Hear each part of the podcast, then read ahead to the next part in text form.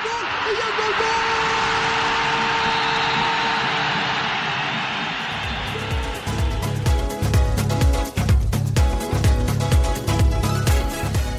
مرحبا وأهلا وسهلا فيكم في بودكاست كان يا ماكورة. أنا اسمي علي. وسوا رح نرجع بالزمن ونحكي عن تاريخ زرع في قلبنا حب كرة القدم.